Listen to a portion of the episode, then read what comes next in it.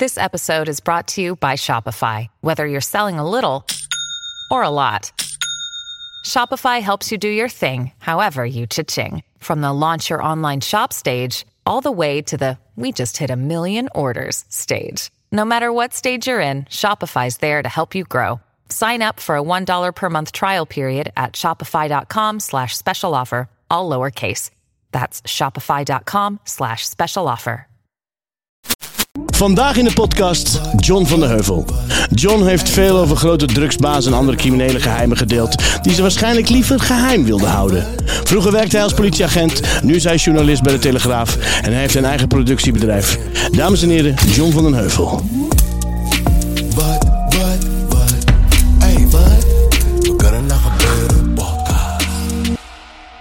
Eh, welkom allemaal, jongens en meisjes, dames en heren. Jullie die kijken of jullie die horen bij de podcast Wat kan er nou gebeuren? Met tegenover mij Reda Saleh en onze gast. Ik wilde zeggen onze hoofdgast, we hebben maar één gast. John van den Heuvel. John, goed dat je er bent. leuk, dat je er bent. Zeker. We vinden het een eer. Welkom bij deze podcast. Wat kan er nou gebeuren? Wij informeren, we, we motiveren en we inspireren. Alles op het gebied van herstel, over drugsgebruik, over noem het maar op.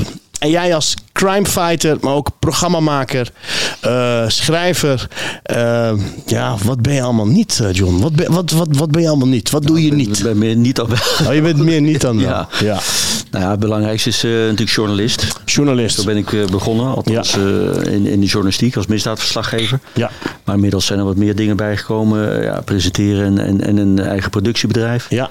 We maken dus ook allerlei producties, onder andere voor Videoland, maar ook voor, voor televisiezenders over crime. De laatste serie is de Jacht op de Mokromafia geweest. Ja. En, eh, en ik schrijf natuurlijk al, eh, wat is het, 32 jaar voor de Telegraaf. 32 jaar ben jij. Ja. Ja. Hey, en daarvoor was je agent. Je bent Ja, ik als diender. eh, ja, gewoon als agent eh, in Amsterdam-Oost, onder andere. Oké. Oh, ik kom uit in de Amsterdam Pijp. Oost, ja. Ja, kom je, ja. Ja, opgegroeid op Nou, de in, Nieuwe in, Markt, in de tijd, eh, dat was dus begin jaren 80. Nou, dat, was, dat weet jij dan ook wel. Misschien, nou, dat zal misschien voor jouw tijd. Ik weet niet hoe oud je bent, maar je ziet er jonger uit dan, dan ik. Probeer een klein beetje in die microfoon te praten, eh, John, of niet? Ja, je Ziet, er, je ziet er jonger uit. Eh, ik denk dat jij eh, nou, ergens rond eh, eind 30. Dankjewel. Wauw. Ja? Ja. Ik ben eh Aanwillig. 47. 47? Ja, Oké. 47. Ja. Oké, nou ja, dan heb je nog wel een stukje van de slechte tijd van Amsterdam-Oost uh, ja, meegemaakt. zeker weten. Ik heb het echt zien veranderen. Ja. Ja, het- ik heb het Want toen ik daar als agentje, ik was 19 jaar of 18 toen ik bij de politie begon. En 19 toen ik in Oost op straat ging werken als agent. En toen had je de hele Indische buurt. Indische buurt, ja, dat was echt gewoon een soort no-go area. Ja. Met hele verslavingspanden en, en, en, en junkelhollen en noem maar op. Dus ik heb het wel eh, ja, in de loop der jaren allemaal gelukkig zien verbeteren. Ja. Maar dat was echt... Ja, dat was echt de slechtste tijd, denk ik, in Amsterdam eh, qua eh, Ja? verslavingsproblematiek. Ik kwam uit een boerendorp, dus wij, wij kenden dat niet. Amsterdam was gewoon de grote, grote boze stad. Maar woonde je in Amsterdam? Ben je een Amsterdammer Ja, ja, van eh ja, oorsprong? van origine wel opgegroeid in Eindhoven, maar op mijn achttiende dus weer teruggegaan naar Amsterdam om bij de politie te gaan werken. Oké.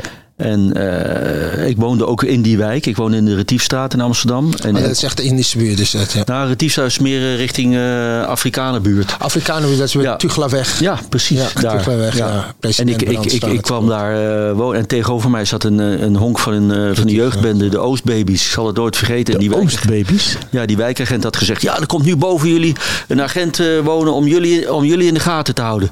ik nou, lekker dan. Dus de eerste keer dat ik naar die straat in kwam rijden, stond die hele groep gasten stond voor de deur. Hey, we, we steken straks je banden lek, hè? Ik denk: Oh, eh, wat eh, lekker. Met je- Van je Oh, ja. collega's moet je het hebben. Ja. Hey, dat was de Transvaalbuurt, was dat? Ja, dat was de. Transvaal. Ja, ja, heftige- Heel heftige buurt. heftige. Heel veel crackpanden ook daar in de buurt. Hè? Ook, Ja. ook Amsterdam-Oost, maar ook de. Transvaalbuurt. Dat is op een gegeven moment echt veranderd. Ik heb er op school gezeten vroeger, maar ik heb het echt zien veranderen. Het is op een gegeven moment is het gewoon echt eh, één drugshol geworden. Ook vooral die boksen daar zo op Ja. de Tuglaweg. Ja. Ja. En wat was dan je meeste bezigheden daar? Wat was het meeste Ja, ik, was, ik werkte vanuit bureau Eitunnel. En bureau Eitunnel, eh, daar viel Amsterdam-Oost en, en ook een deel van het centrum onder. En ik was gewoon ja, eh, bij de surveillantiedienst. Dus wij reden eh, meldingen af in, in, eh, in een golfje. En dan kreeg je, werd je opgeroepen. En dan, moest je naar een burenruzie of een zelfdoding of een ongeluk of overlast van een kraakpand of ja, drugsproblematiek. Dat soort dingen. Eigenlijk gewoon het reguliere politiewerk. Maar Ja. Ik, ik vond dat wel heel, eh, toen heel boeiend en interessant. Want je werd wel in een heel snel tempo werd je gewezen op wat er eh, allemaal kon gebeuren natuurlijk in zo'n grote stad. Je dacht, wat kan er nou gebeuren? Ja, nou jezus, wat, eh, we hebben daar echt gekke dingen meegemaakt hoor. En echt ook wel moeten vechten voor ons leven. Je- Ik woonde dan eh, op de hoek eh Retiefstraat, eh Smitstraat. En, en aan de andere kant had je Café Pretorius op de, Oh ja, de Door Pretoriusstraat. ja. Nou, daar kwam een zootje uh, gaaiers bij elkaar. Ja. En als je weekenddienst had, eh, iedere, iedere weekenddienst moest je wel een keer naar Café Pretorius omdat er een knokpartij was. En dan moest je soms echt eh, vechten voor je leven hoor. Ja. Dan, eh, dat was een goede leerschool. ja, maar je woonde daar ook in de buurt. Ja, ik woonde daar eh 50 meter vandaan. Had je nog geen last als je zeg maar in Burger weer was? Dat ze Nou, hey, op een gegeven moment ben ik naar die Oostbabies gestapt. Van, Ja. Om maar een beetje uit te leggen van, van, van wat ik daar kwam doen. En, en ik, dat, ik, dat ik daar kwam wonen. Niet om hun in de gaten te houden, maar gewoon om, om daar te werken. En, en, en ik kreeg eigenlijk een hele goede band met die gasten. En op een gegeven moment was het zo, dan ging ik, eh, dan had ik om, eh, om drie uur moest ik dan beginnen voor, naar mijn bureau. En dan kwamen ze om half drie naar me toe, kwam er eentje naar me toe van, hé, eh, kan jij eens opzoeken of ik nog in het opsporingsregister sta? Ik zei, ja, ik zeg, weet je wat je doet? Eh, Rij maar gewoon mee. En eh, Ja. en die stapte in, in mijn auto en dan gingen we naar het bureau en dan ging ik eh, opzoeken of hij nog. Toen had je nog niet eh, echt eh, de computersysteem, maar moest je echt in zo'n dik telefoonboek moest je gaan kijken of iemand gezocht werd. Ja, en dan eh, nam, je hem, eh, nam je hem mee naar het bureau. Oh, wauw. Ja. En wisten ze ook dat je half Marokkaans, want je bent half Marokkaans, hè? Ja, maar ik heb dat lange tijd wel een beetje, eh, ja, ik wil niet zeggen verzwegen, maar ik, ik vond niet de... de Stilgehouden. Ja, stil. ja. Ja. Nee, weet je, dat is uiteindelijk En mag ik vragen waarom? Ehm, nou, ik, ik, heb, eh, ik heb daar wel eens met vrienden ook van toen over gehad, ook van, vanuit mijn jeugd, waarom ik dat eigenlijk verzweeg. Want mijn moeder had me dat wel verteld toen ik een jaar of 16, eh, 17 was. Van nou, eh, toen kreeg ik eigenlijk te horen van ja, je, je stiefvader is niet je echte vader. Je, je biologische vader is, eh, is iemand anders. Ik zei, ja, dan wil je weten, ja, wie is dat dan? Ja, dat is een, was een Marokkaan. Oh, oké, oké. Maar dat, dat, ja, dat past op dat moment niet helemaal in mijn beeld van, eh, van stoerheid. En, eh, en, en, dus ik, ik vond het eigenlijk een beetje, ja, ik voelde me een soort van bastaard, wat je natuurlijk ook bent, maar ik, ik hing dat niet aan de grote klok. En ik heb me daar dus 16 eigenlijk best wel een beetje voor geschaamd. Niet eens zozeer van, van dat Marokkaanse, maar meer dat je dus ja, van een vader was die, eh, die niet meer in je leven was. Ja, nou, ik snap dat. En, en, en het was dat pas toen je 16 was, toen je erachter kwam dat het niet je echte vader was. Ja, ja, want mijn ouders gingen toen scheiden. En, en toen hadden ze denk ik toch, of althans, ja, zowel mijn vader als mijn moeder hadden zoiets van, ja, nu moeten we toch wel gaan zeggen van, eh, wat die, eh, dat hij dus niet een, eh, zeg maar, biologisch kind is van, van zijn vader. verlogend? Een beetje wel, ja. Ja, ja, Ja, kan ik heel goed begrijpen. Nee, ik kan me dat gesprek nog wel goed herinneren. En, en dat was in de, in de auto of all places. Hoe vertel je het eh, iemand? Ja, en toen vertelde mijn vader dus van nou, ik ben niet je echte vader. En dat was, ik voelde me wel echt belazerd. Ja. Een beetje ook het gevoel van, eh, maar dan nog tien keer erger, toen, toen ik te horen kreeg van Sinterklaas bestaat niet. Zoiets. Zo, dat je weet je, dat, dat je Ja. toch zo denkt, nou, ze hebben me toch eh, al die jaren in de Jarenlang, ja. Ja. Ja. ja. Hoe lang heeft het geduurd voordat je dat he- hebt verwerkt? Nou, best wel een paar jaar. Want ik heb echt ook daarna wel eh, een vervelende tijd gehad. En ook, eh, ik bleef zitten op school. Ik, eh, ik ging spijbelen. Ik ging eigenlijk wel een beetje rare dingen doen. En, eh, en ik heb toen ook mijn vader een paar jaar niet meer gezien omdat ik eigenlijk een beetje boos ook was. En ik was boos op mijn, op mijn echte vader. Die dan me eigenlijk. Dus, dus ja, je zit midden in de puberteit. Dus, ehm, dus ja, ik heb ook altijd wel eh, daarom wel begrepen. Dat voor mij is het uiteindelijk allemaal goed gekomen. En ik, ik wilde graag bij de politie. Dus dat was voor mij wel een motivering. Maar ik kan me ook zomaar voorstellen dat je als je in zo'n fase zit.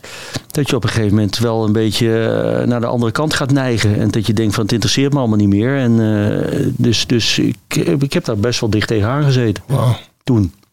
Maar goed. Ja, je, je, je zegt het. Je zegt het eh, sommigen ver- verdoven hun pijn. Weet je, Ja. jij had een uitlaatklep misschien bij de politie dat je daar die kant op ging. Maar dat je hoort wie je, eh, Ik je kan me dat, vader is, ik kan me je dat dan- voorstellen. Nou, nou heb ik, maar ik, ik ben opgegroeid in eh, Eindhoven en, en eh, eigenlijk eh drugs speelde daar toen in die periode niet zo heel erg veel. Dat, je had in Eindhoven had je een paar cafés, onder andere de Poort van Kleef, dat kan ik me nog herinneren, was echt een heroïnecafé.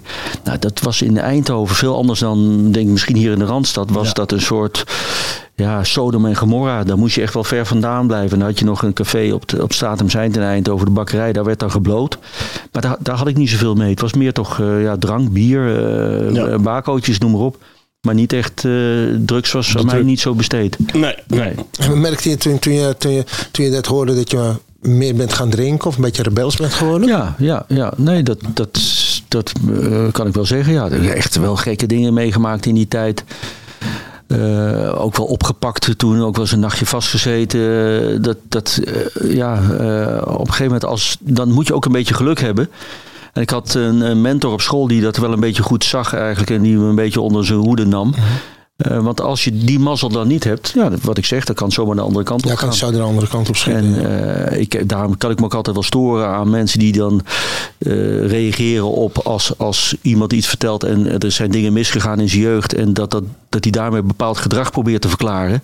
Dan wordt heel snel gezegd, ja, slechte jeugd en bla bla bla. En, nou nee, het, dat doet er natuurlijk echt toe hoe je, hoe je opgroeit en wat je meemaakt in je jeugd. En dat kan echt een omslagpunt zijn. Zeker weet, vooral als er trauma's in het spel komen. Zeker, ja. Dat neem je Ja. gewoon mee naar de oudere, ja, Ja. oudere leeftijd. En dan kan het gewoon naar de, naar de oppervlakte komen. Dingen die gewoon in het verleden zijn gebeurd, kunnen later gewoon echt een heel groot deel van je leven overheersen. Als je er niks aan doet, ja, dan, dan kun je je verliezen in, eh, ja, in drank en drugs of iets anders. Ik vind het overigens nooit een, een, eh, een zaligmakend excuus. Want ik ken ook heel veel mensen die ook hele traumatische, nare dingen hebben meegemaakt in hun jeugd. En die het wel gewoon eh, goed hebben gedaan uiteindelijk. Die, de, de- zeg maar, die demonen hebben overwonnen. En wel een, een normaal, een normaal leven hebben geleid. Maar het, het, het kan wel iets verklaren. Ja, absoluut. Het werkt eraan mee, maar ook net wat jij zegt van, eh, ik, had- ik had een mentor. Weet je, als je iemand hebt in die tijd dat je je zo voelt die jou vast kan pakken of je dingen kan zeggen of je stimuleert of in je gelooft, ja, dan heb je toch een duw in je rug van iemand. Maar als je dat allemaal niet hebt en je hebt alleen maar mensen om je heen die, Ja. Dan is het een, dat is een heel ander geval. Ja. Heel moeilijk. Ja. Mag ik je nog een persoonlijke vraag Ja, stellen? heb je daarna nog contact ge- eh, gekregen met je biologische vader? Nee. Nee. Dus, dus, eh, altijd- Nee, dat is, dat is eh, lang eigenlijk niet eh, dat ik het gevoel had om dat te moeten doen, omdat ik eigenlijk een soort van boos was. Nou, naarmate je ouder wordt, dan begrijp je eigenlijk ook wel meer. Zo. Geen idee. Dat klonk eh, Dit niet hebben best. we nooit... eh, nou ja, John is er en dan... Nou, dat hoop ik niet dat er een kausaal verband is. Ja, zullen we Ja. even kijken? Hij wacht hier niet bij, Ja, ja. bij zijn, eh, bij zijn chip. maar ze renden weg, kleine jongens. Ja, bizar hè? Vuurwerk in een raam. Bizar hè? Nee, ik weet niet. Maar, maar bij jou, oh, hier beneden? Of? Nee, niet hier bij mij. Hier beneden Oh. heb je nog een sportschool. Dat was Oh, een cobra of Nee, zo. Maar ik denk toch even kijken. Ja, toch? Oh, dat heb ik. Even kijken. Ja. Ja, toch? Ja, waar waren we gebleven? Eh, bij, eh, jij vroeg iets, eh, de, ja, de, de, vraag. de- ja, de, de va- De vader, ja, was het- de oh ja. vader Ja. wel eens Ja. dat je boos was. Of ik, ja, nee, ja, ja, ja. Ja, boos. En toen was het boom. Ja, Ja, meteen. Dat was een precies eh, een, soort, een soort hoorspel. Ja, ja, ja. ja, ja. En toen? Nee.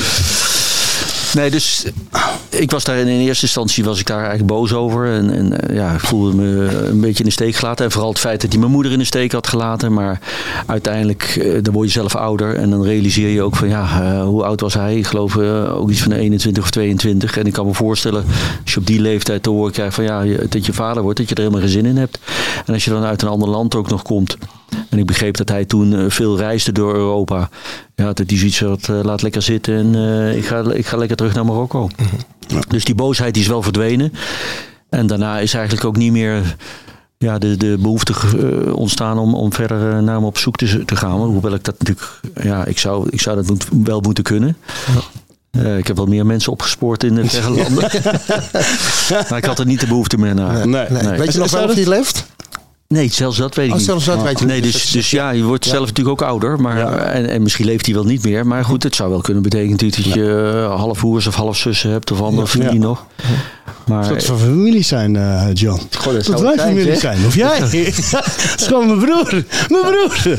Maar je bent wel met je gezin. Dat, wist, dat las ik toen ooit een keer. Dat vertelde je me. Ja. Dat je dan met je hele gezin in naar Marokko, ja, bent ik ben geweest. voor werk veel in Marokko geweest. Ja. Ja, dat is logisch. Ja, ja. Maar ehm, nee, ik ben ook eh, op vakantie wel geweest. Ik vind het, ja, ik vind het een fantastisch land. Ik, ik kan werkelijk niet begrijpen dat, dat daar eh, ook met zoveel, eh, nou, ik zou bijna willen zeggen, ontzag wordt omgegaan met, met, met politie of andere overheid. En, en hoe dan de Marokkaanse jeugd hier in Nederland zich eh, af en toe gedraagt. Dat, dat, dat vind ik toch heel moeilijk te verklaren. Ik vind het ook moeilijk te verklaren, maar ik vind het ook moeilijk eh, om daar mijn, mijn, mijn stempel op te drukken. Dat weet je wel, dan denk ik van wa- waarom, hoe, hoe kan dit? Weet je, als je ziet in Marokko, eh, het sociale gebeuren daar is heel groot. Hè? Sociaal, als je daar tegen een lantaarnpaal aanschopt, dan komt een voorbijganger die zegt: Wat ben je aan het doen? Ja. Is, is die van jou? Is die van je moeder? Nee. Ja. Dan krijg je daar al een paar klappen. Ja. En hier durf je al niks meer te zeggen als iemand eh, een andere slaat op straat omdat je bang bent. Weet je wel. Die, die sociale controle daar is al veel groter. Weet je wel. Heel veel mensen lossen het zelf op. Als er iemand een zakkenroller te pakken krijgt, dan wordt niet de politie gebeld. Maar dan gaat het, het publiek gaat hem even aanpakken, zodat hij nooit meer een zakken rolt. Dat is toch een. eh, ik weet niet. Ik, vind- ik vind het heel lastig. Daar hebben hoge heren zich over gebroken. Maar ik kom er ook nog steeds niet uit. Waarvoor dat, wel, eh, waarvoor dat hier zo werkt en in Marokko niet. Ja, het is niet alleen Marokko, Marokko. denk ik. Want ik zag laatst ook bij jou volgens mij op eh, ontvoerd, eh John. Dat je ook ergens was dat mensen gewoon als je ergens staat met de auto, dat ze meteen komen kijken Ja, van wat je komt doen. Ja. Dus Nee, maar daar, ik, ik weet nog, eh, op een gegeven moment reden we op een beetje op een verlaten weg. En er staan, ja, dat gebeurt hier ook wel, maar er staan daar eh, twee agenten met zo'n lasergun. eh, dus ik moest stoppen. En, en ze laten, spraken, ja, ik spreek geen Marokkaans of, of, en, en zij geen Engels. Dus zij lieten zo dat ding zien van, van dat ik 70 had gereden. Dus Ja. ik zeg, nou, ik wilde eigenlijk zo dat apparaat pakken. Van, want ik denk, ja, dat is gewoon, ze begonnen meteen ja, geld moest betalen. En, Oh ja. Dus, maar nou, dat was niet de bedoeling, dat ik zo eh, aan dat apparaat kwam. Dus ik Ah, kreeg ja. al meteen pats en, en het werd meteen heel... eh, Oké. ik denk, nou ja, maar dan voel je ook al meteen niet meer de neiging om, om Nee. in discussie te gaan of wat Nee. ook. Nou, dan moet je hier eens naar die politie-series kijken. Ik maak ze zelf ook. Ja. Van hoe, hoe agenten hier bejegend worden. Ja. En ja, ik vind dat, eh, vind dat anders. heel, heel anders en heel lastig ook. Ja. Hey, maar toen ben je gestopt. Uh, Waarom ben je gestopt eigenlijk bij de politie? Eh, ik had eh, eigenlijk leuk werk gedaan. Ik had die, die undercover tijd, eh, of eh, hoe heet het, die, die, die politietijd gehad op straat. Ik was eh, nog een eh, paar Recherche? jaar... Je was ook zat bij de recherche? Ja, bij de recherche heb ik gezeten. Eh, Ik ben undercover agent, toch eh, twee jaar geweest. CID? CID? De C- CID, ja, C- Criminele Inlichtingendienst. Ja. Dat, dat was daar een onderdeel van. Dat eh, heette pseudokoop. En dat kwam er eigenlijk op neer dat we ons voordeden als drugshandelaar. En dan op die manier probeerden drugs te gaan kopen. En, eh, en dan op het moment dat de drugs geleverd werden, ja, dan stond er in de buurt een arrestatieteam eh, klaar. En dan werd het hele clubje opgepakt, onder, onder andere dus ook eh, de kopers. Dus, dus ik Ja. als, als pseudokoper, als politieman Ja. zak over het hoofd, eh, handen op de rug, door het arrestatieteam afgevoerd. Alleen bij mij ging dan natuurlijk om de hoek van de straat gingen de Ging handboeien de weer af. af, ja. Ja. En, en, en de, de verkopende partij die werd, eh, ja, die werd voor een aantal jaren opgeborgen. En speelde, je- speelde je dan een rol? Ja. Was je een iemand, ja? Ja. Met pruik? Nee, Nee. ik had toch haar. Snor? Oh, jij met haar? Ik had haar. Maar ik kan me voorstellen dat je je gaat verkleden, toch? Om, om goed... Nee, maar dat is levensgevaar natuurlijk. Als je, eh, eh, kijk, eh, je, eh, s- aan zo'n transactie gaat een heel onderhandelingstraject. Voor, we gingen niet voor een paar gram. Nee. We gingen echt voor de kilo's. Ja. Dus, dus je moest wel praten met mensen. Je moest het vertrouwen winnen. Je, moest, je had meerdere gesprekken. Soms in een hotel of bij iemand thuis. Of in, Ja. een weet ik veel waar. Op een parkeerplaats. Dus daar kon je niet met, een- met een scheef zittende pruik. Nee, nee. Kon je, dus, Nee. dus je moest echt wel gewoon een goed verhaal hebben. Ja. En dat was dat. Ja, ik, ik noemde het. eh, je moest goed kunnen acteren, toneelspelen. Ja. Maar in feite was het natuurlijk gewoon. Het hing allemaal van leugen en bedrog. eh, hing het aan elkaar. Ja. En, en eh, in ongeveer de helft van de gevallen. Hè, dat je probeerde een deal te maken. Ja, vertrouwde de tegenpartij het niet. En de andere helft wel. En, dan, en vaak was het het omslagpunt. Dat als er gesproken werd over geld. Over wat, hoeveel ga je, mo- moet, moet je dan bet- betalen per kilo of zo. En dan had je toongeld, heette dat dan. Eh, dat was dan geld wat we meekregen, wat je niet mocht afgeven. En dan mo- moest puur moest je dat tonen om de overtuiging te kunnen eh, geven aan de verkopende partij. Van, Ja. ja. die jongens zijn goed voor je geld. En dan zag je wel, en dan zag je bijna die dollartekens in hun ogen komen. Ja. En dan, eh, dan, dan ging het meestal wel goed. Ja. Ben je nooit, eh, hebben ze je nooit geprobeerd te rippen daarin? Nou, dit is, die, eh, daar zijn we wel eens dichterbij geweest, ja. Want het is al natuurlijk een hele andere tijd. Toen gebeurde die Ja, maar dat heel gebeurde toen vaak. ook hoor. En, en eigenlijk, daarom was het ook zo risicovol. En, en eh, nu achteraf, ik denk als mijn kinderen nu zouden zeggen... Goh, ik wil, eh, ik wil undercover agent worden. Ik zeg, eh, ben je wel goed bij je hoofd? Maar wij, wij stapten eigenlijk overal naar binnen. En eh, we, we- deden toch wel eh, heftige... Heftige dingen op dat vlak. Want het, we zijn ook echt wel een paar keer door het, door het oog van de naald. Want wij gingen dus we mochten we wel wapens meenemen, maar dat deden we toch niet. En eh, het was wel ook altijd de afspraak als de deal zou plaatsvinden, dat we elkaar dan even fouilleerden dat er geen wapens eh, in het spel waren. Maar achteraf hoorde je dan, of via de informant of, of, of bij de arrestaties, merkte je dan toch dat er altijd wel eh, ja, pistolen of, of erger nog wel automatische wapens eh, in het spel waren. En hoe lang heb je dit gedaan, John? Eh, twee, eh, twee jaar. Twee jaar. Dat was toen de maximale tijd. Oh, Maar dan- toen was het dan- nieuw. Dus het inzetten van een undercover agent was toen redelijk nieuw. Dat, we praten nu over eh, 87 tot en met 89. Dus dat opsporingsmiddel was eigenlijk helemaal in Nederland nog niet zo vaak toegepast. Dus bij de ene na de andere eh, liep in de val, zeg maar. Ja. We hebben denk ik in, in die twee jaar hebben we in totaal 98, want dat weet ik nog goed, 98 eh, ja, handelaren kunnen, eh, kunnen betrappen op die manier. En waren sommigen ook onder invloed? Nee, Dat, ja, op dat niveau gewoon... eh, Ik heb één keer meegemaakt. eh, dat was een, een, een taxichauffeur die eigenlijk bemiddelde voor een groep Engelsen eh, die, die kook verkochten.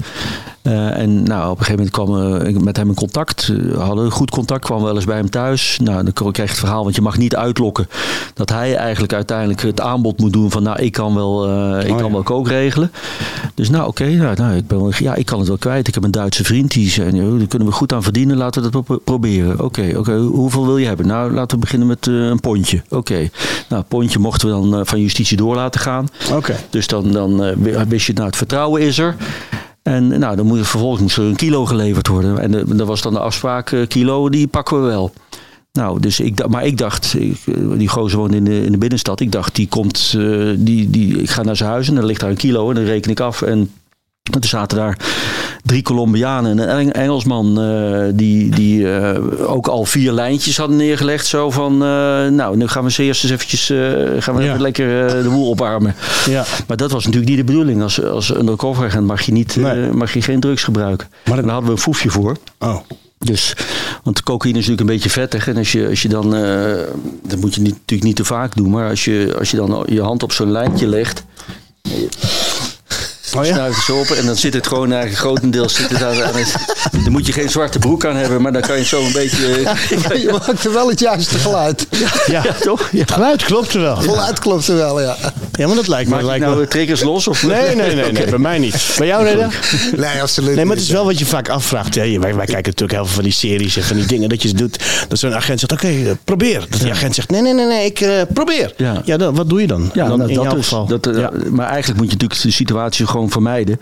Ja. En zeggen van, nou nee, jongen, ja oké, eh, straks eh, gaan we dit doen, maar eerst even die zaken afhandelen. Ja. Wat zou je doen, John, als hij boven je staat... en hij staat echt te kijken naar je... dat je denkt, hier kom ik niet meer weg. Ja, dan, dan zou je het moeten doen. Dat zou je doen. Ja. Ja, maar goed, dan kan, je niet meer, dan kan de zaak niet meer voor de rechter eh, worden gebracht. Nee. Dus dan, eh, dan is eigenlijk de Dus zaak eigenlijk je eigen leven redden op dat moment. Ja, Daar ja, komt het eigenlijk ja, op ja. neer. Nee. En waren jullie dan eh, ge- gewired, zoals het zegt? Nee, Zo- Ja, een aantal keren wel. We hadden op een gegeven moment, was toen voor die tijd heel geavanceerd eh, in onze riem. Hadden we microfoons zitten en een zender. Ja. En we hadden een, eh, we hadden een semafoon. Dat had je toen in die tijd. Hè? Alle criminelen liepen met semafoons. Semafoon is zo'n bakkie? Zo, ja, zo'n zo, zo, zo'n pieper. Oh, een pieper. Ja, ja, een pieper. Ja, dus ja. eh, dan, dan kon je opgepiept. Maar die semafoon was omgebouwd. Dus daar kon, je, daar kon je een teken mee geven. En buiten stond dan het arrestatieteam of je begeleidingsteam klaar. En die konden dan op die manier eh, weten of alles in orde was. Of, eh, Je had nog geen mobiele telefoons in die tijd, toch? Dat begon eigenlijk aan het, aan het einde van die pseudoco-periode begon dat. En toen kregen we zo'n zo'n grote accu kregen we mee. een en, en ijskast. met zo'n Ja, ja, Ja. Dan was je helemaal de man. Ja, ja, Ja. dan liep je echt... eh, soms, Ja. Sommigen hadden iemand bij zich om die telefoon te dragen. En dan zat je in de bar, en op de, aan de bar en dan zet je zo die zender zet je Ja. zo op de... Dan was je helemaal dan de was, man. je, dan was, je, dan was klaar. Ik ben wel eens achter iemand aangelopen. Die had dat ding en die was aan het bellen. Ik denk, wat is hij nou aan het doen? Gewoon achter die man aanlopen. Gewoon kijken van, is dit echt? Ja, echt niks. Wauw. Ja. Hey, toen ben je gestopt bij de, bij de politie? Politie ben ik bij de Telegraaf gaan werken. Ja. Eh, en die, hoe kwam die overstap dan? Was je Nou, ik, ik had, nee, ik had eh, twee jaar bij de, ook bij de politie bij eh, de, het stafbureau communicatie gewerkt. Ja. Omdat ik schrijven altijd heel leuk vond. En eh, er was een politieblad, eh het tijdschrift Amsterdamse Politie. Daar zochten ze auteurs voor. En ik heb me toen aangemeld. Nou, dat was zo leuk dat, dat ik daar fulltime voor dat blad ben gaan werken. Ja. En een soort krantje. En zo leerde ik eh, journalisten ook op die afdeling kennen. Klaas Wilting was toen de grote woordvoerder, het grote gezicht. Oh ja. en, en, dus ik vond dat leuk en ik, ik vond het interessant. En toen eigenlijk aan het eind van die, van die politietijd... toen ontstond er een vacature bij de Telegraaf. Toen belden ze of ik eh, daar wilde komen werken als politieverslaggever. Politieverslaggever, Ja, ja. En toen ben, heb ik het een paar jaar gedaan. En toen, van, ja, het een kwam het ander. Ik ging onderzoeken doen. Eh, Je kreeg de IRT-affaire. Je kreeg eh, de opkomst van, eh, van Johan V., eh, Klaas Bruinsma, nou, de, de Hells Angels. Ja. nou, alles wat eigenlijk vanaf die tijd ging spelen. Daar ben ik over gaan schrijven. ja. Maar drugs is, heeft wel altijd centraal gestaan in, in zeg maar, mijn onderwerpkeuze. Dus georganiseerde misdaad. En als je het hebt over georganiseerde misdaad, dan is dat voor 75% natuurlijk eh, drugsgerelateerd. ja. Dus eh, Want je was ook een van de eerste die schreef over, over, over Daisy Boutersen. ja. Nou, NRC Handelsblad, eh, Marcel Hane toen en ik, Ja. wij hebben daar heel veel over geschreven. Ja. Ja. Ik, eh, ik kwam voor de eerste keer in Suriname toen eh, na de Belmarramp. Ik, ik was me, je had toen, eh, nu heb je allerlei vormen van smokkelmethodes, maar je had toen, en dan praat ik ook al een hele tijd terug, had je de disco-couriers. Dat waren jonge, gewoon blanke Nederlandse jongens, die werden, eh, meisjes, werden in discotheken geronseld. Ja. Om voor een paar centen dan naar Curaçao kregen ze een week vakantie en dan moesten ze terug, moesten ze dan spullen meenemen. Oké. En, eh, Het waren toen nog gewoon blokken, hè? Ja, ja, die werd Ja, gewoon, ja, die werd ja, gewoon zo in de koffer. eh, dus die, ging echt met Uiteindelijk ging 20 dat kilo. Ja, ging dat niet meer door en toen werd het opeens heel veel slikkers. klopt, klopt. Dus, eh, dus nou, dat kwam natuurlijk uit. We zaten daar gewoon een aantal, ja, eigenlijk gewoon eh, Amsterdamse scholiertjes. Die zaten daar in de Koraalspechtgevangenis in Su- op Curaçao. Nu heet het Bonfuturo. Oh, ja. Dus ik ben daar met een aantal ouders, eh, moeders toen naartoe gereisd om voor de Telegraaf een verhaal te maken. En net in die week stortte de, die El Alboing neer op de Belmer. Ja. Toen ben ik doorgereisd naar Suriname. Toen kwam ik voor de eerste keer in Suriname. En daar kwam, kwam ik zoveel ook criminelen tegen. En, en, trouwens nog eentje met wie ik zaken had gedaan in, in mijn undercover tijd. En toen ben ik me wat meer in Boutersen gaan verdiepen. En, eh, en, en het Suri-kartel. En zo, eh, zo kwam dat eh, eigenlijk, zo kwam ik daarin verzeild. ja. Dus eigenlijk van, van, van Curaçao kwam je naar Suriname, en, Boutersen. en al die andere landen eromheen. Want daar, ben je, Ja. ik wilde zeggen, een graag geziende gast. Maar jouw... Bij sommigen wel. bij Ja, sommigen bij sommigen wel. Maar is dat die, voel, voel je dat niet? Hè, tenminste, ik zou, ik zou bang zijn als ik over zo'n onderwerp in zo'n land zou gaan schrijven. Omdat je toch weet dat je tegenslag krijgt. Of eh, hoe, hoe zie je Ja, dat? maar ik heb, eh, nou, ik, ik heb heel een hele lange tijd eh, wilde ik heel graag correspondent ook in die regio worden. Op, Ja. op Curaçao of Suriname. Omdat ik wel zag, daar is zoveel nieuws te halen op dat vlak ook. Ja. maar, maar ik kwam eigenlijk steeds meer tot de inkeer van, nou, dat is misschien niet zo'n goed idee. Je kan beter invliegen en dan je verhaal maken op het moment dat je weer weg bent. Want precies om die reden. Eh, was, het, was het natuurlijk niet helemaal van, van gevaar ontbloot als je over eh, in, in die strontputten zich gaat zitten roeren ja. daar. Ja. Dus eh, meestal deed ik het dan zo van, nou, dan deed je een week onderzoek of twee weken. En dan eh, nou, op weg het, dat je terug was, dan zorgde je dat het in de krant kwam. En Ja. dan was je daar in ieder geval alweer weg. Ja. Ja. Waar, waar, waar komt ook eh, de interesse van, van alles wat met drugs te maken? Waar komt dat vandaan? Heb, je, heb jij in je nabijheid familieleden? Of... Nee, dat, dat, dat niet zozeer. Maar ik zag wel vanaf dag één dat ik natuurlijk in Amsterdam terecht kwam. En dat was echt nog de tijd dat eh, de hele Zeedijk vol stond met eh, verslaafden. En, en eh, echt de zwartste tijd eigenlijk van Amsterdam. Met, met 53 tot 55 drugsdoden per jaar. Bijna iedere week werd er wel een, een Duitser met een heroïnespuit in zijn armen gevonden. Ergens op het Damrak in zijn, in zijn heel uh, hotelletje. Klopt. Dus ik heb die, die keerzijde heb ik, heel goed meegemaakt. En, en daar uh, ontstond wel mijn interesse. En ik heb dus ook gewoon vanaf, uh, nou, wat ik net zei, ik was 18, 19 toen ik hier in Amsterdam ging werken. Alle ellende in alle proporties, in alle vormen en hoedanigheden veroorzaakt door drugs heb ik meegemaakt. Dus, dus ik, ja, dat loopt drugsverslaggeving, drugsbestrijding, dat loopt echt als een rode draad door mijn loopbaan. Ik, ik, heb zoveel ellende meegemaakt op dat vlak. Ehm, dat, dat, dat ik ook met, met, echt met, met de beste wil van de wereld niet kan begrijpen dat, dat, een, een, dat er partijen zijn die echt, maar waar ook slimme mensen, intelligente mensen zitten, politieke partijen bedoel ik, die dan pleiten voor, voor legaliseren of vrijgeven of, of reguleren. En, en ja, ik, ik, ben daar, eh, ik ben daar fel op tegen. Nee, dat gaat voor, de, voor een verslaafde die echt verslaafd is, die de ziekteverslaving heeft, gaat dat niet werken. Nee, Dan, dan heb je gewoon Nee. elke dag, dan vallen Nee. er gewoon doden. ja, En het- die vallen er nu al, maar dan echt in bosjes. dat denk ik ook. En voor, kijk, ik, ik ben ook niet tegen het, het, gebruik van drugs hoor. Ik ben er echt niet als mensen dat kunnen doen. Maar ik ben wel het misbruik daartegen. Want ik heb gezien wat er achter gesloten deuren doet. Wij, ik en Najib, die helpen heel veel mensen. Maar wat we ook zien wat er eh, achter de deuren gebeurt. Ja. Het is niet alleen van de verslaafde zelf. Ja. Maar het hele eh, gezin raakt ontwricht. Ja. Maar niet alleen het hele gezin, de hele maatschappij Ja. raakt ontwricht. Vandaar dat wij onze hart, die ligt echt bij het... eh, ja, we willen de echte taboe eh, doorbreken. We hebben gezien dat heel veel mensen dat geprobeerd hebben. Maar dat is niet gelukt. Nou, ik vind het super knap eh, van jullie dat je überhaupt dat bespreekbaar maakt. En het zijn, eh, kan ik me ook voorstellen, periodes waar je niet met heel veel plezier op terugkijkt. Maar dat je dan toch die stap durft te maken om te zeggen van nou, al, al, al red ik er maar eentje van, van dezelfde ellende, dan, dan is er al veel gewonnen. Absoluut. Dus ik vind het, eh, ik vind het buitengewoon knap. Ja, want En John, wat, wat, we zeggen net van het, het vrijgeven, dit, dat, dat gaat niet werken. Heb jij, zie jij een oplossing? Wat is de op... Dat, kijk, eh, dan, eh, als ik dat zou, eh, als ik die oplossing zou hebben, zou ik waarschijnlijk de Nobelprijs weer. Ja, weer daarom. Ik denk, als jij het aan mij vertelt, dan vertel ik dat. Dan win ik die Nobelprijs. Nee. Nee, wat, ik, wat, wat mij nu het meeste zorgen baart eigenlijk, is het normaliseren van drugsgebruik bij jongeren. Ja. En als ik zie hoe er een nieuw- een nieuwe generatie nu opgroeit vanaf pak een weten 12, 13, 14 jaar, die, die echt gewoon het idee heeft van nou drugsgebruik is volstrekt normaal. Ja. En dat begint dan met, met blowen. Ballonnen. Maar eh, ballonnen, lachgas, eh, andere rotzooi tot, tot als je op die leeftijd dan al begint, dan, dan zit je op, op je zestiende zit je aan de kook. Of aan de pillen of andere rotzooi. En dat vind ik, dat is ons als volwassenen of oudere volwassenen, vind ik met, met, met heel, heel veel, eh, heel erg te verwijten. Ja. Dat we dat hebben laten gebeuren. Want ik vind, eh, kijk, we proberen nu eh, dat te, te, te reguleren. Of, of we krijgen nu met eh, proeven met staatswiet kweken en dat soort ongein. Ik vind het echt te bespottelijk voor woorden. Want je vergroot alleen maar de afzetmarkt en het aanbod vergroot je. Terwijl ik vind, wat een deel van de oplossing zou kunnen zijn. En dat is niet de oplossing, maar wel een deel van de oplossing. Probeer nou eens ook eens iets aan die vraagkant van drugs te doen. Dus ga niet alleen kijken naar het aanbod. En probeer niet alleen kilo's in beslag te nemen of drugshandelaren aan te pakken. En, en eh, dat moet ook allemaal gebeuren. Maar probeer ook eens, nou eens gewoon die vraag heel substantieel te verminderen. Want daar tref je de drugshandel het hardst mee. Want het is natuurlijk gewoon een kwestie van vraag en aanbod. Zolang, zolang er vraag blijft naar, naar drugs. En we zijn nu een hele nieuwe generatie eigenlijk al klaar aan het maken voor als klant voor die hele grote eh, groep eh, criminele organisaties die daar hun geld mee verdient.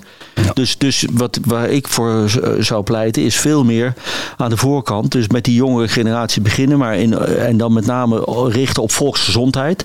Want drugs is eigenlijk niet een criminaliteitsprobleem, maar, maar een probleem van volksgezondheid. dus Van- ook voorlichting. voor, vooral voorlichting. Bewust maken. Bewust maken. Maar ik weet niet of jullie dat nog kunnen herinneren. Maar er is, er is ook jaren geleden waren hele campagnes van kook de witte Ja. Dat kan ik nog om, herinneren. om, ja. ze, om mensen op de gevaar te wijzen. Zie, zien jullie nog wel eens Nee, of Anti, niks. anti-drugscampagne. Als je gaat kijken, inderdaad. Helemaal niks. Helemaal niks, maar weinig, anti-alcohol eh, reclame. Ja. Ook niet. Nou, maar- Anti-gok. Ja, maar daar zijn allemaal nog wel Ja, dan heb je nog de Bob. Ja, Dat is, de Bob en, en, en met roken ook.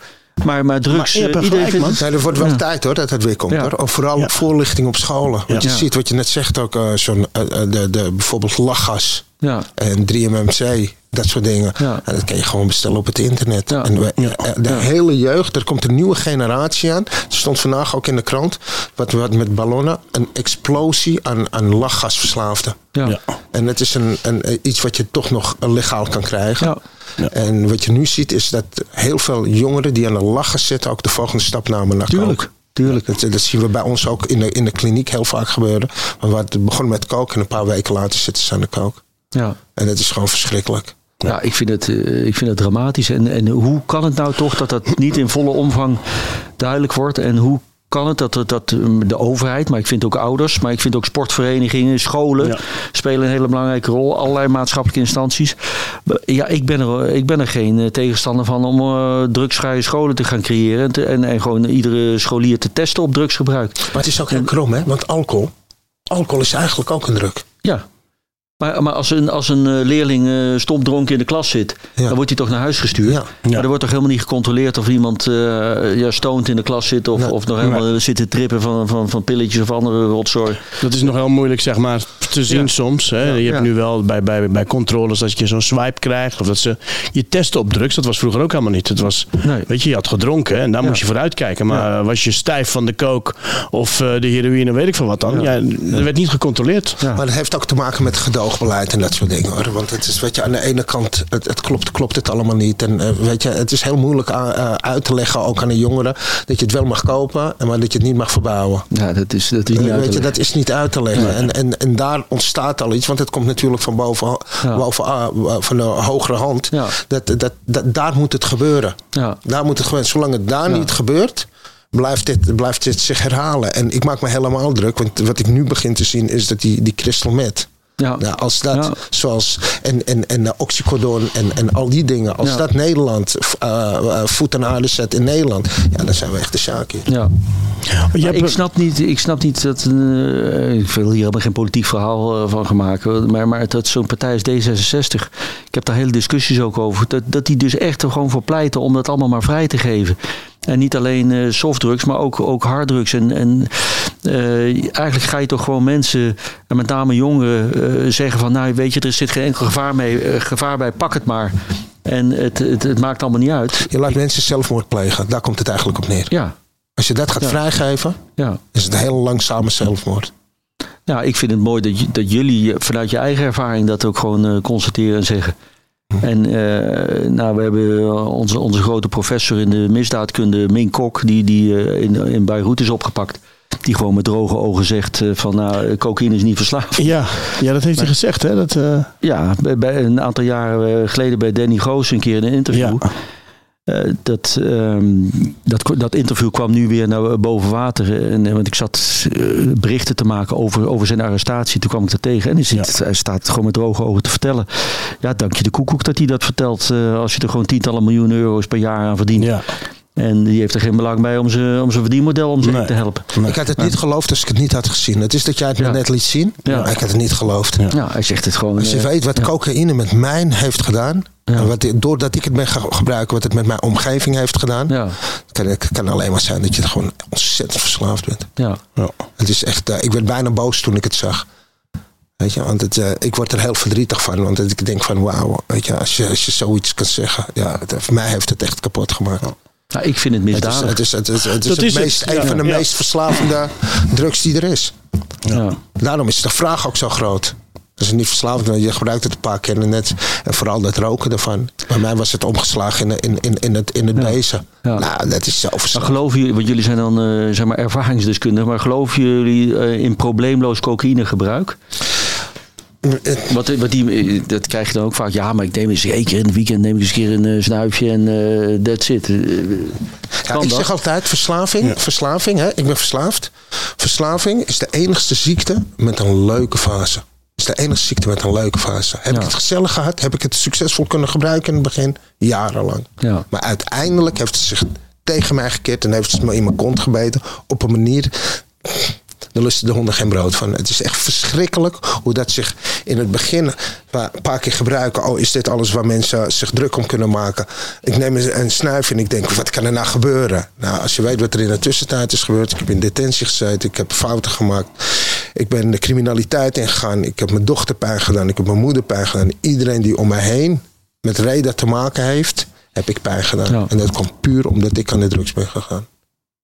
Ja. En ja, ondertussen was ik zo gedemoraliseerd dat ik iedereen de schuld gaf van mijn keuzes. Ja. Dat is ook wat drugs met Ja, doet. ja, Gewoon ja. totaal emotioneel afgestompt. Ja. Dus is het verslavend voor mij? Jazeker. Ja. Heb ik andere mensen gezien die het succesvol konden gebruiken op de manier waarop ik het gebruikte? Het niet. Nee. Maar er zijn dus mensen waar, waar- waar ik soms eh, naar kijk. Ik denk, wauw, hij kan gewoon een biertje drinken of een wijntje. Ja. En dan gaat hij weer. Weet je? Maar een verslaafde wil altijd meer. Ja. Die, die, die fles wijn moet op. Er moet er eentje mee. Weet je? En het is ook met, met, met gebruik ervan. Je hebt, je hebt mensen die kunnen gewoon gebruiken in een weekend en op een ben feestje. blij voor hun. Ik En, ik het ook, ik ja. Maar wij, verslaafden, wij kunnen dat niet. Wij, moeten, wij gaan door, weet je. En daarom is er ook één Ja, is ik te vond veel. het fascinerend in jouw boek eh, te lezen natuurlijk hoe dat... Ja, Kijk, je weet het wel, maar als je, dan, eh, als je dat dan vanuit jouw mond Ja. eh, leest of, of hoe je het op opgeschreven, ja, ik vond het echt eh, zeer indrukwekkend. Ja, maar dat is het. Weet je, het is, het is die, eenzaamheid. En je denkt dat je de enige bent die zo gek doet. En, en, en dan trek je je terug. Ja, en dan is er, is er geen stop of is er niemand die naar je kijkt. En dan, ja, dan ga je nog meer gebruiken. Ja. Dat je zelf dat helemaal... hè? Dus het stiekem, ja, het vooral dat stiekem. Het is, het, is, het is niet zoals drank, weet je wel. Hey, Ja. Ik drink het ergens. Het is, het is cocaïne. Je moet Ja. het er- sowieso moet je het ergens halen. Ja. Door dit te doen. Heb je wat? Ja, heb je wat? Snap je? Dan moet je het nog ergens gaan klaarmaken om, hè, om te gebruiken. En dan mag niemand het weten. Het is niet dat het zo...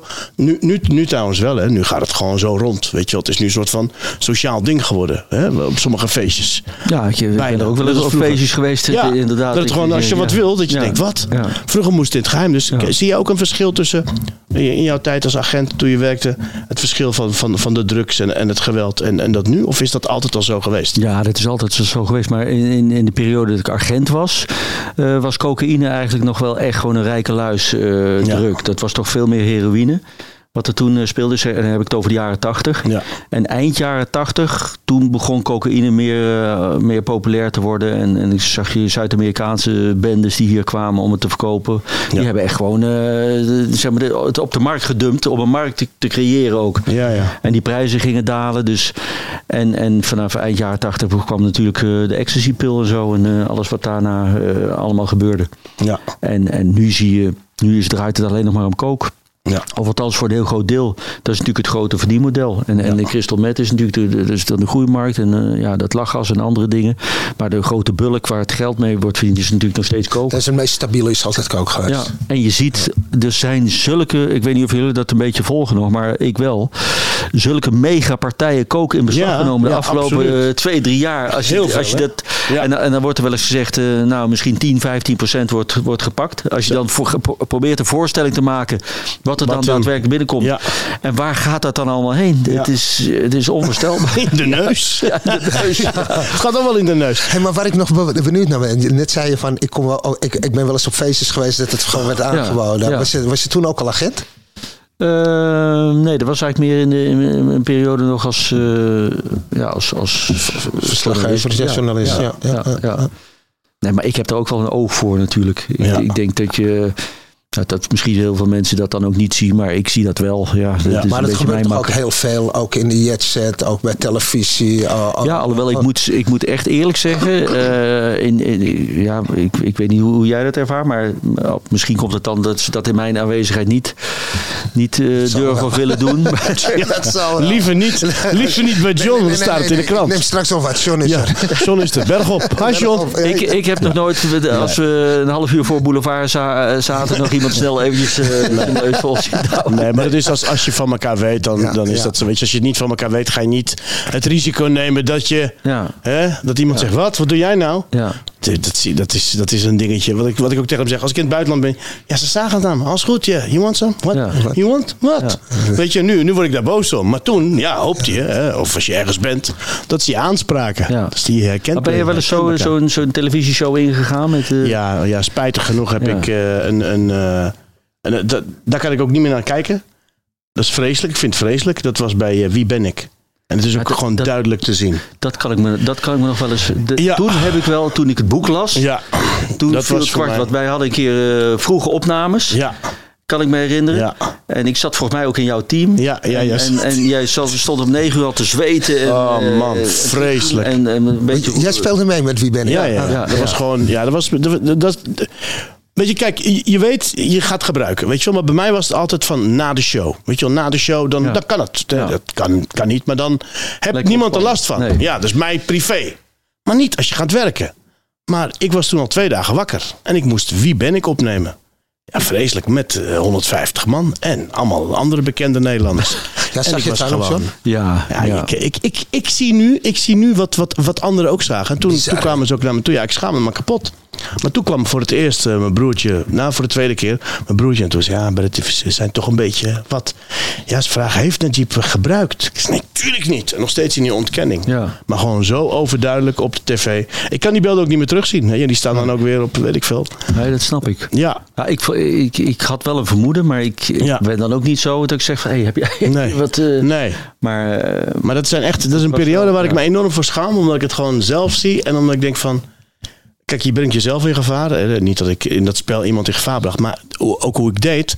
Want ik dacht bij het spel... Ik moet, het moet zo snel mogelijk. Ze hebben het ook een paar keer gestopt. Van Jeep, het gaat erom dat het leuk is. Ja. En ik denk, ik moet het raden. Dus ik zat er heel hard ging je. eh, BH. Ja. En dan zat Wendy weer even stoppen. En Jeep, het gaat er niet om dat je gewoon even zo... Ja, ja maar, maar ik ging ook in discussie. Nee, maar dat zei ik net ook. Ja, nou spoel maar weer terug. ja, ja, hij ging echt- hij ging Ja, echt- is echt live hoor. Ja. Maken, het is een fucking spel, jongens. Ja. Wie ben ik? Nou ja, dat vroeg ik me daar toen af. Wie was ik? Nee, maar godzijdank, man. Ik ben, ik ben echt blij dat ik die periode Ja, dat eh, achter me heb gelaten. Maar Ja. het is een... Ja, nogmaals, weet je. Het, het- kijk, als je ergens... eh, ja, als, als, als normaal iemand van kan genieten. Hè, genotsmiddelen. Ja. Hè, een keer een pilletje en dan eh, uit je dak gaan op een... eh, maar dat, dat gaat bij mij niet. Maar heb je nou niet, of jullie nou niet een, godschuwelijke hekel aan die gasten die daar geld mee verdienen? Die dus zelf niet voor mij ook verslaafd dubbel. zijn? Ja, Die- dat is voor mij ook heel dubbel. Ja. Want ik denk, hè, ja, daarom vroeg ik jou, hoe zie jij de oplossing? Moet je alles plat gooien daar waar het wordt gegroeid? Maar die boeren, dat die weet je- dat weet je- dat Nee, weet je nooit, oorlog maar- tegen drugs, hoe ga je hem ja, aanpakken? Ja, nou die, die oorlog die hebben we natuurlijk eh, nooit gewonnen en die gaan we ook nooit winnen. Nee. Dus dat is, dat is wel een punt. Maar ik, ja, wat ik zeg, eh, een onderdeel van de, aanpak moet veel meer zijn eh, terugdringen van vraag. Ja. En, en in ieder geval op zijn minst die, die ge- generatie die nu opgroeit Ja. behoeden voor veel ellende. Ja. En, en naarmate je natuurlijk eh, de vraag minder wordt, ja, daar tref je die, die bendes ook het meest mee in een Ja. portemonnee. Maar dat Maar moet ik... veel meer maatschappelijk Ja. doordringen dat, ja, wel- welke risico's hier aan kleven. En niet eh, maatschappelijk doordringen van nou, het kan allemaal wel. En eh, we gaan het onder overheidsvlag gaan we het allemaal verkopen ook nog eens. Het is toch debiel? Ja, ik zie ook, nou goed, dat, dat zie jij nog, nog meer dan ik. Ik zie gewoon de ellende die het voortbrengt aan, aan, aan de jonge eh, opkomende kookdealertjes, runners, die er van alles voor doen, die mensen neerschieten voor een paar duizend euro of Ja. honderd euro. Ja. Dat ik denk, wauw man, waar zijn we in beland? Maar wie Weet gaat je? er nog van, Ja. van in die, in, eh, met name bepaalde wijken, maar eigenlijk ook wel heel veel plekken, andere plekken in Nederland ook. Eh, welke jongen, jongen van 14, 15 gaat nog vakken vullen bij Albert Heijn als hij, als hij een aanbod krijgt van Ja. eh, ga pakjes rondbrengen en Ja. eh, je krijgt eh, een meijer per avond. Ja. Dat, dat, dat is natuurlijk ook gewoon het probleem. Ja, het is ook een fantasie, hè? Eh, Ik, heb ik, weet je, ik, ik ga het niet onder stoel en banken schuiven. Ik ben nog heel jong was ik begonnen in de criminaliteit. En ik weet gewoon voor mezelf. dacht van ja, dit, dit, dit, dit, is het gewoon. Ja. Alleen er zitten langdurige consequenties aan vast. Ja. Waar een jongere helemaal niet aan denkt. En dan komt ook dat stukje ego. Ja. En dat bravoer komt. Ja, maar ik ga niet zo eindigen.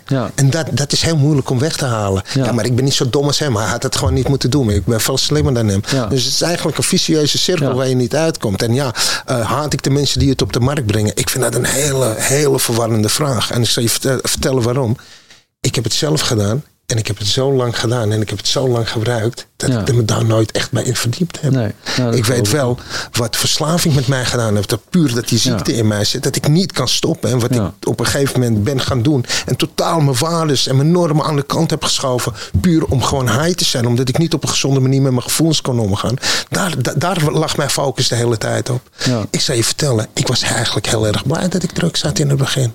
Hm. Want ik wist in godsnaam niet hoe ik met die angsten en met die lage eigenwaarde en met die onzekerheid moest omgaan. Ik wist het echt niet. Ik denk als ik dat niet had gehad op jonge leeftijd, meen ik serieus, denk ik dat ik mezelf wat had aangedaan.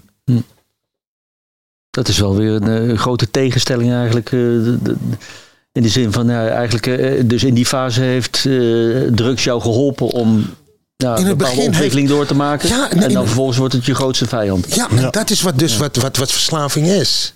En die drugs is de drugs.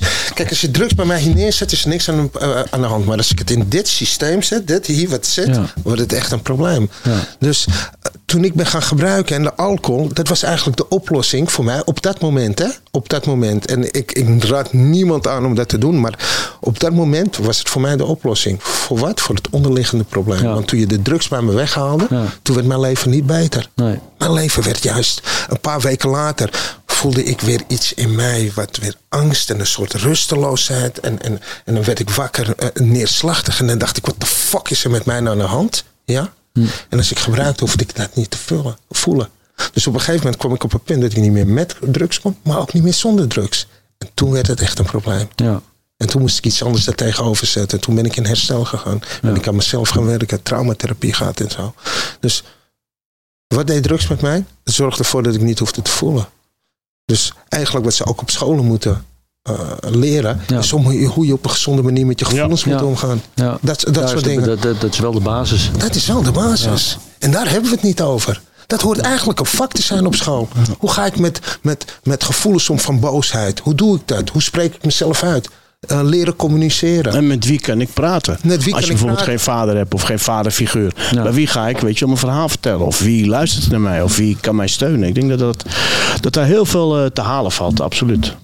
Ja, Nou, ik denk dat daar ook wel de kern van, eh, van het probleem ligt. eh, als we het hebben over groepen als, ja, dat noemen ze dan een mokro-maffia. Maar dat is natuurlijk eh, Ja. breder dan, dan alleen mokro's. Maar ja. Dat wat jullie net zeggen, dat dat, eigenlijk een soort eh, missen van een klankbord of Ja, van een ouder of Ja. iets dergelijks. Dat je daar, daar, en dan ga je natuurlijk in een bepaalde verkeerde kring komen. ja. Ja. En dan eh, komen er drugs in het spel en veel geld en eh, materialisme. En voordat je het weet, eh, Ja. Ja. ben je 30 jaar verder en denk je van, wat, eh, wat, eh, ik heb 20 jaar in de bus gezeten en ik heb alleen maar naar buiten gezwaaid. Ja.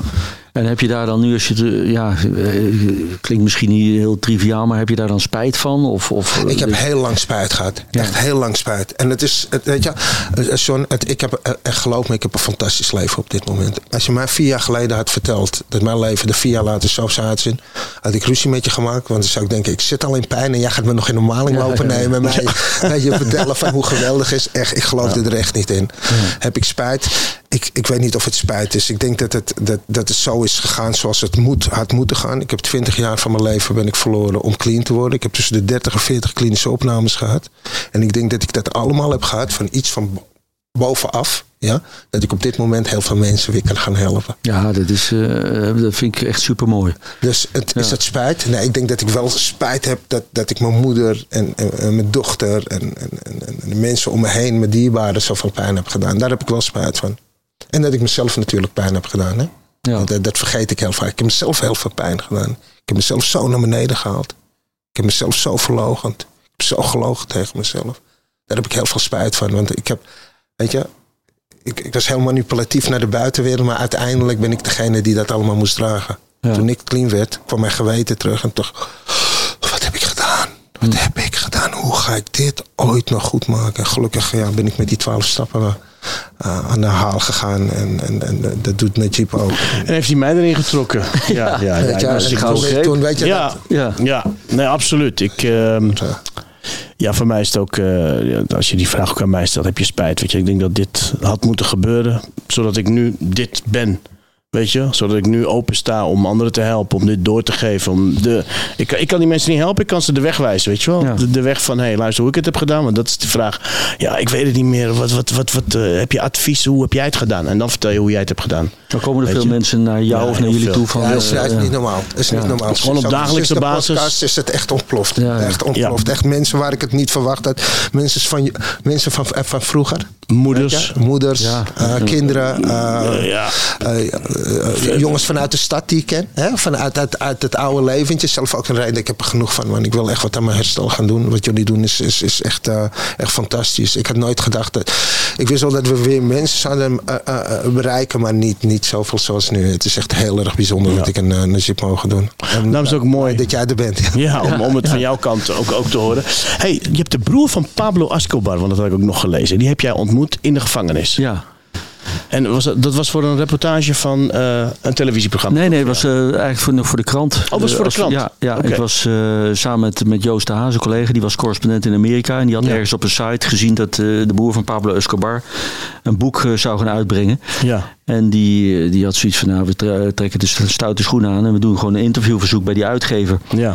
Eh, met een, eh, verhaal van ja, de, de, een van de grootste kranten van Europa. En we willen ja. graag spreken. Dus nou, we mochten komen. Ja. Maar ehm, Toen hebben we daar drie dagen voor de gevangenis in Medellin eh, gestaan. En toen bleek hij daar helemaal niet te zitten. Toen bleek hij in een soort van privékliniek bleek hij, eh, te zitten. Want hij had een bombrief in zijn, in zijn, gevangen, in zijn cel gehad.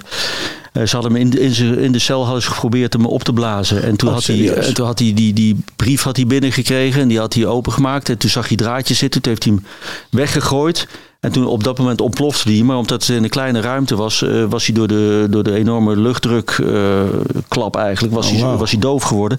En was hij in een, in een privékliniek eh, ge- geplaatst door, door de overheid. Want ja, eh, ze hadden geprocedeerd. En, en hij had aangevoerd, ja, dat is de schuld van de overheid dat ik nu doof ben. Dus hij mocht daar eh, mocht hij dan eh, revalideren. Maar hij was ook half blind geworden.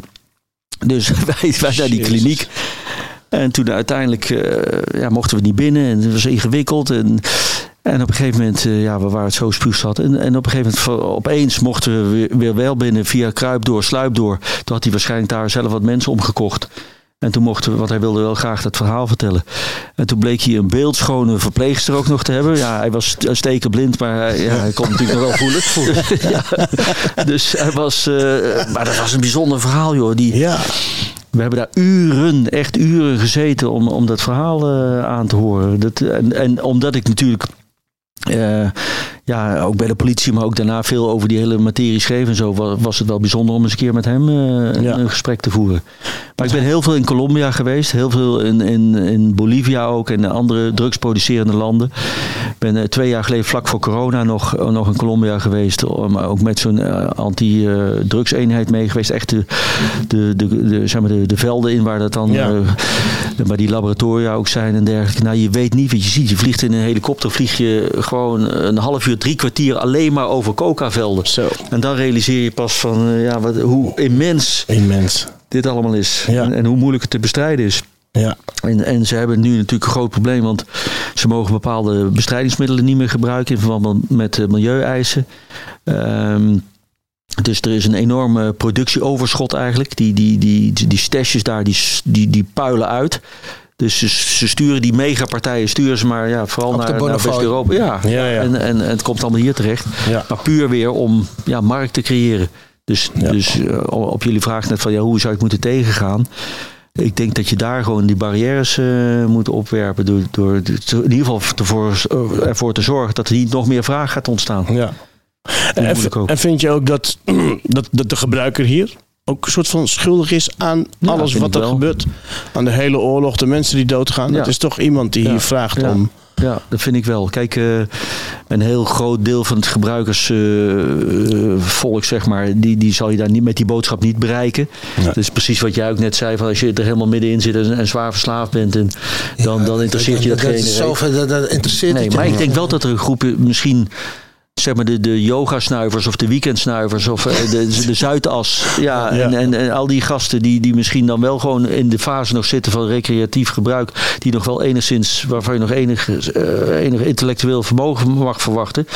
Dat je als je bij die mensen die boodschap brengt, dat ze misschien toch ook nog wel, wel gaan nadenken van ja, hé, misschien is er, oh wacht, Peter R. de Vries is doodgeschoten. Goh, wat verschrikkelijk zeg. Wat maar realiseer je eigenlijk wel dat de hele mechanisme en de hele criminaliteit die daarachter zit, kookgerelateerd is. En omdat jij je snuivel hebt, er dit soort geweld plaatsvindt. Dat, dat je die boodschap mag, je, mag echt wel wat meer en wat harder naar buiten worden gebracht, denk ik. En dan voor hoop de je mensen die nog niet hebben gebruikt ook nog. ook, ook. Maar ook, ook degene die wel gewoon denken van ja, maar ik ben een probleemloze gebruiker. En ik, ik, ik, wat, wat doe ik daar nou kwaad mee? Om af en toe eventjes een snuifje te nemen. Nou, je houdt een hele cri- criminele economie hou je in stand. Ja. Hey, en, en, en jij schrijft daarover, je bent een crime fighter, eh, boeken, programma's. Maar dat, heeft ook, eh, eh, dat eist ook zijn tol. Want je, je, wordt, je, je wordt beveiligd al, al een aantal jaren. Ja, Hoe, wat voor impact heeft dat op jou nu? ja Of is... het? Nee, ik ben niet. Nee, ik ben niet. Maar, maar kijk, eh, je vindt wel een bepaalde modus om, om ermee om te gaan. En op een gegeven moment, eh, ja, je rolt in een bepaalde situatie. eh, die ik ook niet voorzien had. Ik had, kijk, op een gegeven moment in, ergens in, in 2015, 2016 begon wat meer in volle omvang duidelijk te worden wat voor een, voor een monster er eigenlijk was gebaard in de vorm van een criminele organisatie. En ik zat in die periode heel erg met het Holleder-proces was ik bezig. Eh, de zussen Holleder, hier in de, in de, bij de bunker vond dat proces plaats. En, maar er gingen wel gekke dingen gebeuren. Er waren eh, liquidaties, echt heftig. Eh, bij mij is de omslag een beetje geweest toen Martin Kok werd geliquideerd. Die misdaadblogger Ja. bij Boccaccio bij mij. of althans in, in, in, in de omgeving van, van het Gooi. Toen dacht ik wel, hé, en want, want die, die kok was voor de eerste, die was natuurlijk ook wel een beetje raar. Maar die was voor de eerste die een man en paard ging noemen. Ja. En die ze ook een beetje belachelijk ging maken op zijn site en dergelijke. En die werd opeens werd die, eh, doodgeschoten. En vanaf dat moment had ik zoiets van ja, maar hier, hier is iets raars. En, en toen ben ik met mijn collega ben ik me daarin gaan verdiepen. En wij, wij kwamen met verhalen en dergelijke. Alleen de hoofdpersonen die hadden in het milieu geroepen van ja, wie mijn naam noemt, eh, die gaat eraan. Ja. Maar dat, dat, die boodschap hadden wij niet zo goed meegekregen. Ik weet niet of het veel verschil had gemaakt. Maar, ik, maar, maar, maar dat deden ze dus echt. En, en het begon met een, eh, een brandende auto naar binnen rijden bij de Telegraaf. En een raket naar binnen schieten per panorama. Maar het ging van kwaad tot erger. En, en eh, ik ben denk ik in, in twee jaar tijd wel, wel vijf, zes keer gewaarschuwd. Van kijk nou uit, want want ze, zijn, ze, ze gaan je echt vermoorden. Ja. Ze waren het echt van plan. Ja. En ik ben nog altijd degene die de beslissing heeft genomen om mij op een gegeven moment de persoonsbeveiliging te gaan geven. Die heeft denk ik mijn leven gered. Ja. Want anders was dat, eh, was dat toch, denk je toch op een andere manier eh, afgelopen. Maar is dat iets wat jij zelf, zelf kan weigeren ook? Ja, eh, met mijn collega Peter, die heeft daar een hele zware tol voor betaald om Ja. dat te weigeren. Ja. Want ook hem is gezegd, kijk uit, want je leven loopt gevaar. Ja. En ja, die heeft, die heeft dat afgeslagen. Althans, die wilde niet, eh, zeg maar, er, was sprake, er is sprake van hoge dreiging. Nou, dan kun je je niet laten beveiligen door eh, twee eh, veldwachters achter je aan op de fiets of in de auto die af en toe een oogje in het cel houden. Dan moet je ja, in een streng regime Ja. en hij had daar geen zin in. En, en ik, ja, ik vind het diep en diep triest wat er is gebeurd. Ja, absoluut. Absoluut, wij ook. Dus eigenlijk, jij, jij moet je hele, hoe zie ik dat voor me, je hele agenda afgeven. Ja, Want overal waar jij heen gaat, daar moet Ja. gecheckt worden. Ja. En, en, en je hebt ook geen idee voor wanneer, toch? Nee, dat zal, kan- ik heb me daarbij neergelegd. Dat zal nog wel een hele poos gaan duren. En eh, ja, als het eerder is, dan is het eerder. Dan is het fijn. En als het niet zo is, Ja. dan zal ik daarmee moeten leren leven. Er zijn ergere dingen. Maar leuk is anders. En hier heb ik dat beroep niet voor gekozen. Want journalistiek Nee. is eigenlijk synoniem voor vrijheid. Ja. En, en als, ik nu, eh, als ik nu een telefoontje krijg van een goede tipgever van John, kan je even langskomen? Ik heb een prachtig verhaal, kom even daar. En niet Ja. die, die kroeg, dat ga ik je vertellen, kan niet. Nee. Want, ik, want eh, dan moet ik, eh, ja, dan moeten allerlei voorbereidingsmaatregelen worden getroffen. Ja. Dus dat is wel jammer. Denk Ja. je, ben je hier veel mee bezig in je hoofd ook? Eh, geeft wel stress. natuurlijk, ja. Natuurlijk. natuurlijk een gezin. Ja, natuurlijk. Het geeft, eh, het ge- eh, de, de afgelopen vijf jaar dat dit speelt, geeft enorm veel stress. Ja. Maar, maar goed, ja, ik heb, dat gaat gelukkig een aantal goede mensen om me heen die, die, die, die me ook steunen. En ik krijg, ja, wat dat gaat ook wel, weer, kracht door al, alle andere dingen. Dus eh, nogmaals, er zijn erge dingen in het leven. Ik kan leven, ik kan ook nog eh, leuke dingen doen. Ik ben ab- eh, absoluut niet, niet zielig of wat ook, in tegendeel. Ik heb nog steeds heel leuk werk wat ik gelukkig kan doen, dankzij die, die beveiliging. Ja. Maar het is natuurlijk niet zoals het hoort. Het is natuurlijk eigenlijk, als je het goed beschouwt, krankzinnig. Dat je als, omdat je gewoon je mening geeft of omdat je dingen beschrijft, dat, Ja. je daarom, dat andere mensen je, je daarom om zeep willen helpen. Ja, absoluut. Ja, ik. eh, nou goed, wij kennen elkaar al een tijdje. Ik volg je al een tijdje. Ik jou ook. lees jouw boeken, jij mij ook. En, eh, Ja, ja, ja. Vertaal ja, natuurlijk. Nee, Ja. maar ik, vond het, eh, ik vond het heel erg mooi dat je hier bij ons eh, aan die tafel wilde en eh, jouw kant eh, wilde belichten. Over toch een onderwerp wat nou ja, gewoon heel veel losmaakt. Heel veel doet met de wereld, maar ook met mensen die daarbij betrokken zijn. Slachtoffers, maar ook de daders. Mensen die er rijk ervan worden. De corruptie die daar ontstaat, van, van, van hoog tot Wereldleiders. en ik denk dat we hier op, op elk op onze eigen manier aan, aan, aan moeten trekken, aan moeten vechten. En eh, jij doet het op jouw manier. En eh, ja, ik, eh, ik bewonder je enorm. Ik ben trots op je. En ik ben erg blij dat je hier bij ons aan tafel wilde schuiven. Nou, dat is mooi dat je dat zegt, maar de- dit is volledig wederzijds. En dus dan niet om elkaar weer in de reet te gaan steken. Want eh, zo zitten we allemaal niet in elkaar, denk ik. Nee. Maar eh, ik vind het echt knap dat je op deze openhartige manier probeert in ieder geval eh, wat, wat mensen wat dingen mee te geven waar ze over kunnen nadenken. John, wat zou je ons nog mee kunnen nemen als het gaat over de taboe doorbreken? Want het is natuurlijk al vaker hebben mensen dat geprobeerd te doen. Eh, het gaat heel erg goed. We, we zijn echt stappen aan het maken. Maar we zijn Nou, wat, je, eh, wat, wat je nu doet is, is zo immens belangrijk. Misschien onderschatten jullie dat zelf wel. Maar gewoon het bespreekbaar maken en je, vanuit je eigen ervaring eh, vertellen wat, wat jullie is overkomen. Want iemand die dit niet heeft meegemaakt, dat is toch altijd anders Ja. aanhoren dan, dan op het moment dat je zelf in die situatie zit. Dan, dan mensen die het, iets vergelijkbaars hebben meege- meegemaakt. En dat zijn jullie. Dus ik zou dat op veel grotere schaal eh, gaan, gaan doen. En misschien moet, eh, moet je ja, wel, wel denken aan andere media ook. Aan televisieseries of weet ik veel wat. Maar het moet echt gewoon veel meer voor het licht komen, vind ik. Maar goed, ik geloof dat er heel veel mensen naar deze podcast luisteren. Dus Super. het goede, het goede Daar zijn we begin is echt gemaakt. heel erg dankbaar voor. Ja, we, hadden, we hadden ook, eh, weet je, wij zijn dit gaan doen om meerdere mensen te gaan bereiken. Gewoon puur om mensen gewoon te informeren, inspireren en te motiveren om de juiste stappen te, te, eh, te nemen. Om wat aan hun probleem te doen. En we zien gewoon dat, er, eh, dat het echt nu open aan het gaan is. En daarom zijn we ook ontzettend dankbaar dat jij vanavond bij ons aan tafel hebt eh, gezeten. Tuurlijk. Nou, veel succes jongens. En eh, alle, voor alles wat je met ons gedeeld hebt, ook uh, dankjewel voor je eerlijkheid. En je Graag gedaan. Graag gedaan. Top. Dankjewel. Ja, dit was hem weer. Jongens en meisjes, dames en heren. Jullie die hebben gekeken en natuurlijk jullie die gewoon aan het luisteren zijn. Dit was Wat kan er nou gebeuren? Met eh, John van der Heuvel en mijn eh sidekick en Mattie tegenover me. Reda Saleh. Bedankt voor het luisteren en tot de volgende keer.